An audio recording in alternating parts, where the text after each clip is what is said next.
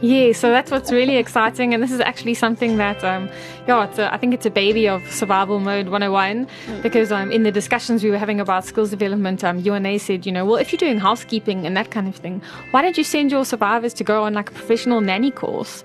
And um, yeah, so we made it happen, and so we've now sent four of our survivors to become um, professional nannies, which is um, which is really really great. Survival Mode 101 is in samewerking met GRIP, die Greater Rape Intervention Program in die Laagveld. Die gesprek is met Johan Strydom en Terren Lokoch, die hoofuitvoerende bestuurder van GRIP.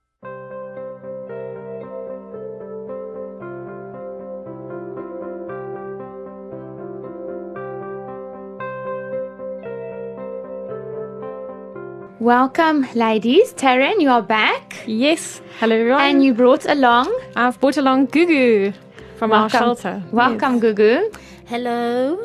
Gugu, welcome to Survival Mode 101. Um, just to start with, so the listener can get to know you, how long have you been at GRIP? And also, how did you get involved? Okay, hello. Um, my name is Gugu Mapanga. I'm a social auxiliary worker based at Ekaya Shelter, which is situated here at Nhlanzini. So, um, how I got involved with GRIP, I before I applied, I saw the advert and um, I had the urge to be involved. Um, hence, I'm also a survivor of gender-based violence, of domestic violence. So, I wanted to empower survivors. You know, I wanted to empower women. So that's how I got involved, and I applied for the job. I went for an interview, and I was fortunate enough to get it. yes. And um, so it's obviously very. It's a case close to your heart? Yes, working with women that have been in the similar situation as me and working i mean walking with them that journey you know in developing to be the better version of themselves so it's it it gives happiness to my soul basically and then Gugu you've said that you are a social auxiliary worker. Yes. Can you please explain to me what that means? Just uh, because I know a social worker, but I don't know the auxiliary, auxiliary part. okay, actually, what it means is that um, auxiliary it's like an assistant to the social worker. So basically, what I do, my duty is I'm an assistant to the social worker, and I overlook things in her absence. You know, and I also do the shelter administration. I provide pre counseling to survivors survivors, and I also do awareness campaigns in our surrounding communities. And then um, there are two shelters. Where are they based? One is at Mkhondo, and one is here at Nhlanzini. Okay, wonderful. And uh, Tarryn, we previously spoke about, well, in private, not over the podcast. We previously spoke about your shelters, and you've mentioned that they are both full now. Yeah, so at the moment, we um, both shelters are, are full. The Ehlanzeni shelter is actually full most of the time. Uh, to be honest, it's very busy at that shelter. Mkhondo shelter, we've recently done renovations, so it's really nice. Um, it's almost like a brand new house now, which we're very excited about. So um, it's been as full as it can be, given that there were renovations going on. Um, but yes, it's getting um, getting busier and busier. And Gugu, you've mentioned that you're also um, involved in awareness activities. Yes. Uh, what are those and how do you go about that? Okay, awareness activities are um, activities that I host in our communities whereby I educate um, our communities about uh, everything that has to do with gender based violence, you know, um, basically giving them more information on the services that GRIP offers, you know, as an organization and um, making sure reaching out to people to voice out if they've got issues and they need help. And then how do you do that? Like, do you just call everyone oh, together? no. Or uh, uh, what happens? I make appointments, and then therefore I go um, on that specific day, and um, I gather like I make appointments, and then do you do them at schools or? Basically it can be anywhere okay. just as long as there is people you know. Um, there is people there's a group of people. Yes mostly i do them at schools i do them at clinics i do them at um, saps anywhere basically anywhere where there is people and um, there's a lot of people and because um, the main the main goal is to give information to our people out there you yes. know yes to give them information so that's what i do and also do door to door i go by like um I go house to house telling them about our services, telling them um, about gender based violence, you know, yeah. and also to speak out and not to keep everything inside, mm. you know, to voice out so that they can um, get help. Yeah, and I think it's really important what you're saying, Gugu, because I think a lot of the reason why people don't report um, gender-based violence and especially domestic violence is because they think that if they report it, um, where are they going to go after that? Yes, you know, they, they can't yes. report their husband or their partner and mm. then just go home. Um, so we need to create awareness about the fact that if you report and, and you don't feel comfortable or safe going home, that we do we have do. a shelter yes. where you can come um, and stay with us for up to six months. Um, you know, and it's a safe haven where you can sort of find restoration and healing again. Um, and I think that's something that that's really important. The message that you get out there. Then I know um, both of your shelters are full, but who are those shelters for? Who should who should try and apply for a GRIP shelter? Okay, so yeah, I think that's something really important that um, that we do need to to make clear is that we would love to be able to help everybody, you know, any woman or child that doesn't have a roof over their head, um, or you know anyone. But um, we are mandated, so we get funding from DSD, and we are a VEP center. So there's another acronym, acronym for you. so, yeah, so it's we have we run a victim empowerment program, which is the what a VEP stands for, um, and so we um, are mandated to take in victims that have you know undergone abuse, um, whether it be sexual or domestic, um, and help them to to overcome their trauma. So unfortunately, we can't just take in anybody. It needs to be a case of gender-based violence. Mm-hmm. And you also just take in the mother and children not the husbands. Yes, if I understand right. Yeah. So um, we yeah, so we only take in um, the mother and the children. Um, most cases where we have somebody come into the shelter, it is because the husband or the partner um, is the perpetrator, and that's the reason they come to the shelter. They kind of you know run away um, to get to a place of of safety. So yeah, there are no sort of male adults in the shelter at all. Um, it's just a safe place for for women and children. And that yes, uh, what I would like to add um, on what Tarryn just said is that we also don't take um, older boys. We take boys that are under the age of 12. Mm. Yes. Yeah. And that's a certain rule yeah, so it's just a precaution. It's just a precaution that's in place. Obviously, you know, um, we all know that teenagers are developing you know, earlier and mm. earlier. And so, just to ensure the safety of our young girls and young women in the shelter, um, it's just something that we've put in place to protect ourselves and to protect them.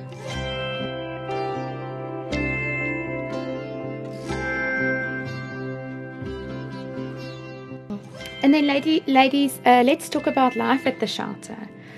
How long do the survivors stay? Okay, um, the survivors, once they are admitted, they are um, able to stay for six months, right? But um, in that six months, they need to have an exit plan on what, how are they gonna survive after the six months? What's gonna happen? Where are they gonna go once they are out of the shelter? And I've known uh, when we spoke privately, Gugu, you also said that's a challenging part for you because you, at some point, will have to tell them, listen we need to get you a plan. You can't stay here forever. Um, we're going to have to do this and this and this, you know, sort yes. of tough love them. Yes. And I know you've said that you don't normally enjoy, not enjoy, but it is hard to do it's that. It's very hard. It's very hard. Trust me, it's so hard. Because um, it's so sad to see them when they are angry. And Especially yet, because you know how they feel. Yes. And, they, and yet you need to see them every day. You know, it's like yeah, it's not just yes, a counseling you, session where you, yes, you, you, see them today for an hour and then you make your appointment for next week. You, yes. You're basically living with these, these ladies. So, yeah. you know, it's not like today you and I have a tough talk and by next week you've forgotten about it. No, no because five minutes from now I'm going to pass you in the hallway yeah. in the passage. Yeah. so, um, after six months, what do the ladies normally do? Um, I know, Tarryn, you said you're not just going to kick them out and say, well, your six months are over, mm-hmm. but you do um, sort of have a plan in action for them or they have their own plans? Yeah, so I think basically throughout the, the psychosocial support that we give them whilst they're in the shelter with us, we work towards that exit plan. So we will contact, um, if they've got any family members, then we will contact their family members and try to reunite them with a family member that can perhaps help them or any close friends that they've got that would be able to, to assist them. Um, obviously, whilst they're in the shelter, um, employment is something that we realize is very important.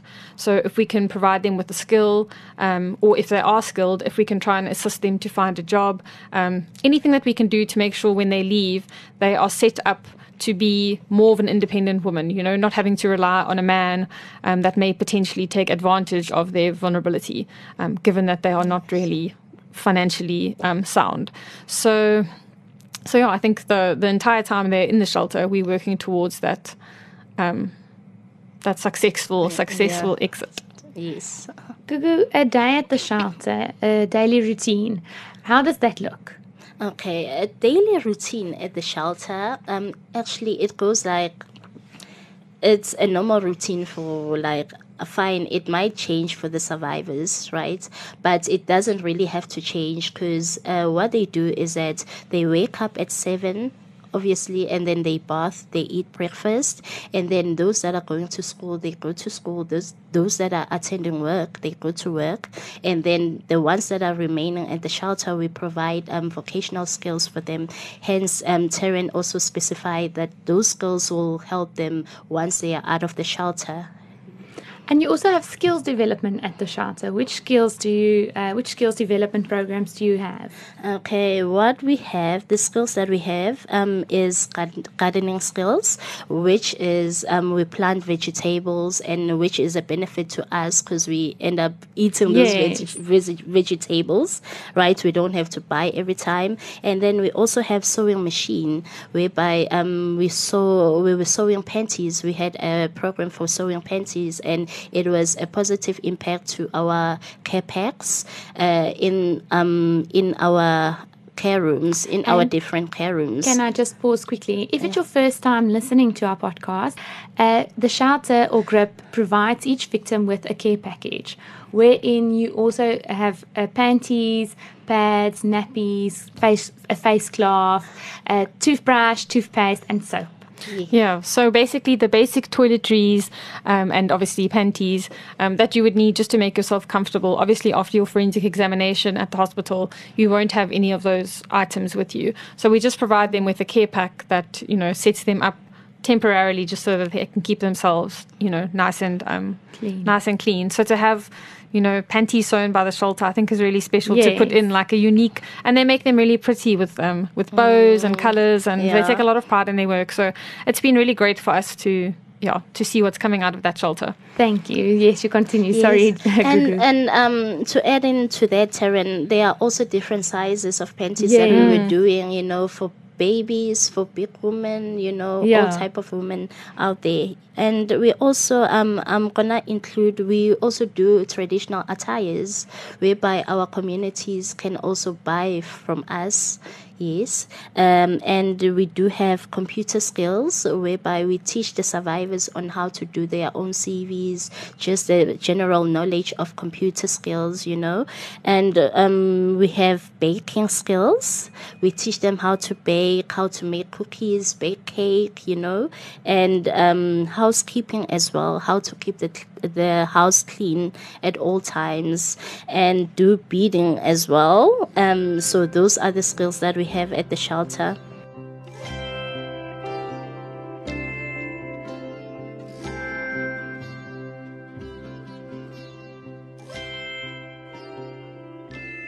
And I do believe you've introduced a new course.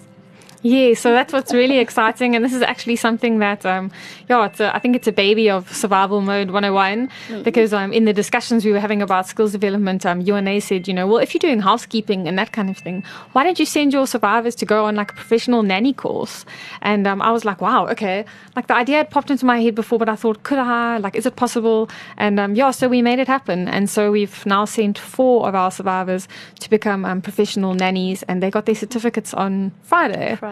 Which is um, which is really really great. Um, and I've already booked um, another four to be on the next course in July. So yeah, it's something that Grip is So really hopefully someone's listening and they need a nanny, so they Yes. know where to call. Yes. um, Let's do, if if it's possible, can you can we sort of do a step by step admission for someone who's coming to the shelter now? You've gone to the hospital or you've gone to the police station. You've said that you are being abused at your house, um, and then they take you to the shelter or getting placed in one of the shelters. Let's start with the admission. Okay. Once you are being um, referred to the shelter, we welcome you with warm hands and we make sure that you feel comfortable. And once you are comfortable, um, like you have eaten, probably you didn't eat the whole day, um, you have eaten, you are feeling good, we take you. Um, it's I, I take you, Gugu, as the social auxiliary worker. Uh, we start the application process whereby I open a file for you and I take all your personal details. And um, once that is done, I refer the file to Nomonde, which is the social worker, and um, she sits down and have a discussion with you, discussing your exit plan, uh, discussing the reason you are there, and also discussing the finances. How are you guys gonna help each other in terms of maybe if you are working or if you are unemployed, you don't have any income, how are you gonna survive throughout the whole period? And can we just stand still with the finances for a moment? Um, I think you did mention that you do help the ladies. Obviously, you let them do skills development, but like for instance, transport for the children who have to go to school, you help them with the transport money if they don't have enough. But the whole time it is, you know, you are coming to the table, but they must also come to the table. Yes, if I can explain. Yeah, so I think with, with each survivor, it's it's you know it's completely unique. So there are some survivors that are receiving a social grant, in which case um, you know they can contribute a little bit of money uh, towards their kids' um, education or the transport. There are some survivors where they have nothing to contribute, in which case GRIP does step in then and help where you know we will pay for the transport and the kids' school fees. Um, I think the aim of the shelter is you know we want the children to have as normal a routine as possible. So we want them to go to school, to continue to be educated, um, so that the trauma doesn't affect them, you know, as much. Um, whilst we help to heal, you know, heal their mom uh, again. So it all depends from client to client. We have some clients um, or survivors that you know already have a job. In which case, if they've got sufficient income, it's just that they don't have a safe place to go. Um, then they a lot of times are willing to pay for their own children's um, school fees and uniform. Um, but yeah, we're very lucky at GRIP that we do have the funds to help those who can't. And then the babies and the kids going to school and the kids not going to school. Um, how does that work? All right. Um, with the babies that are stayed behind at the shelter, is we do have house mothers that are qualified to look after them, so they um, treat them well during the day up until their mother is back from work. They assist with that, and um, the kids that are going to school, they attend school as normal. Um, we arrange transportation for them, not not just any transport, but um, we make sure that it's safe and it's a person that we know we trust as well, because their life is also at risk.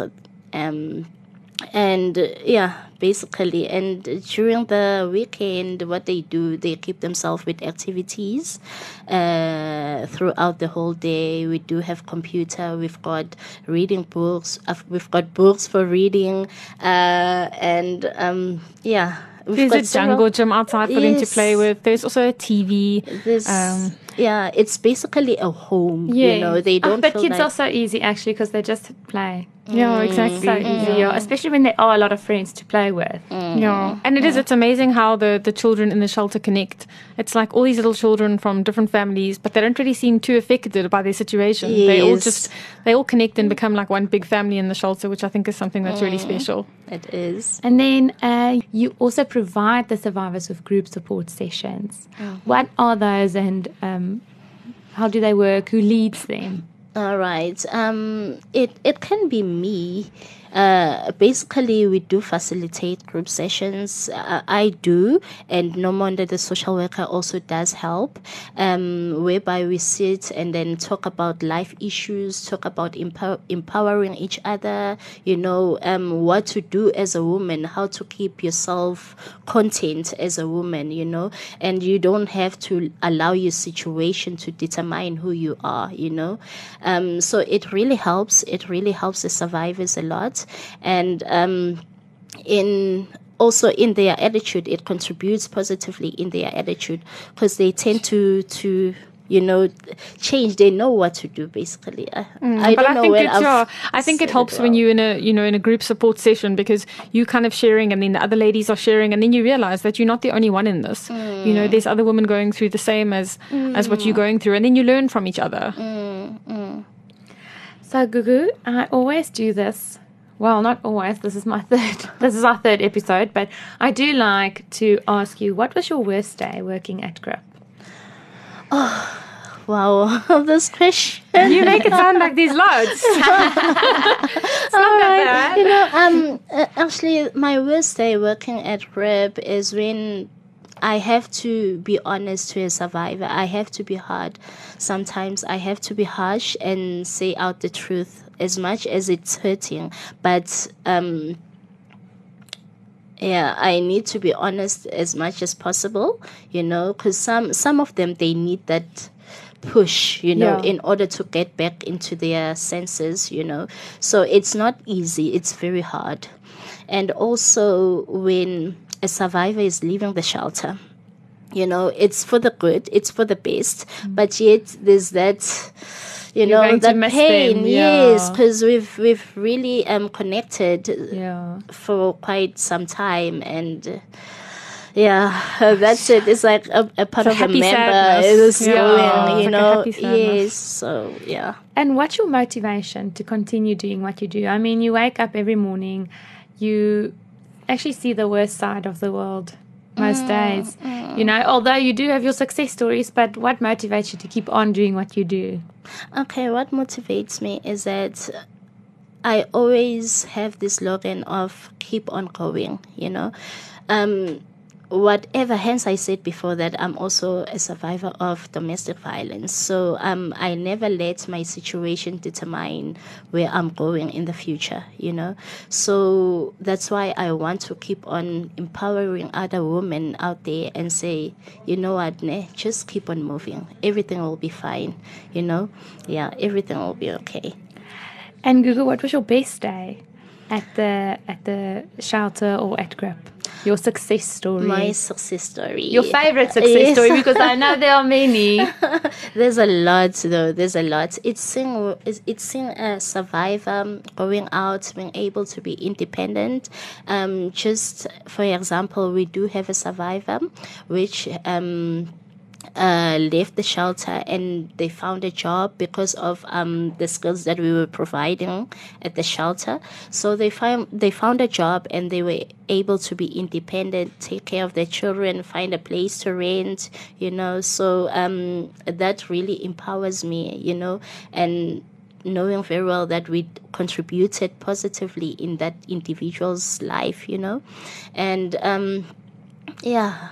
That's it. That's one of You've got a you recently got a bursary for one of your children in the shelter. Oh, She's going to yes. school. Yes, Yeah. not forgetting about that. We got a bursary. We, we had a survivor from another province far away.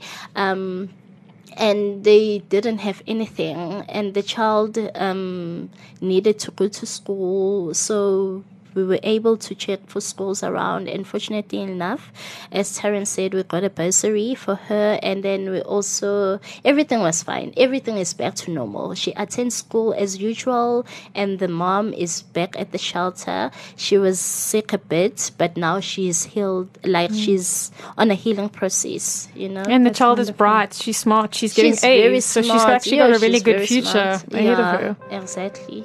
That's wonderful. Ladies, thank you so much for your time and coming in and sharing. Gugu, good luck at the shelter. I'm thank sure you. we will hear from you again. Yes, hopefully, you will hopefully. be back to visit. Yes. Volgende week gesels ons met Ntombi Futhi Sambo wat 'n vriend van die hof is. Sy verduidelik vir ons hoe die ondersteuningsprogram en voorbereidingsprogram werk. Sy kom gesels ook met ons oor die verskillende vaardigheidsontwikkelinge by die shelters. dan gesels ons weer volgende week. Dankie. Jou familieradio. Jy luister na jou keuse op 100.5.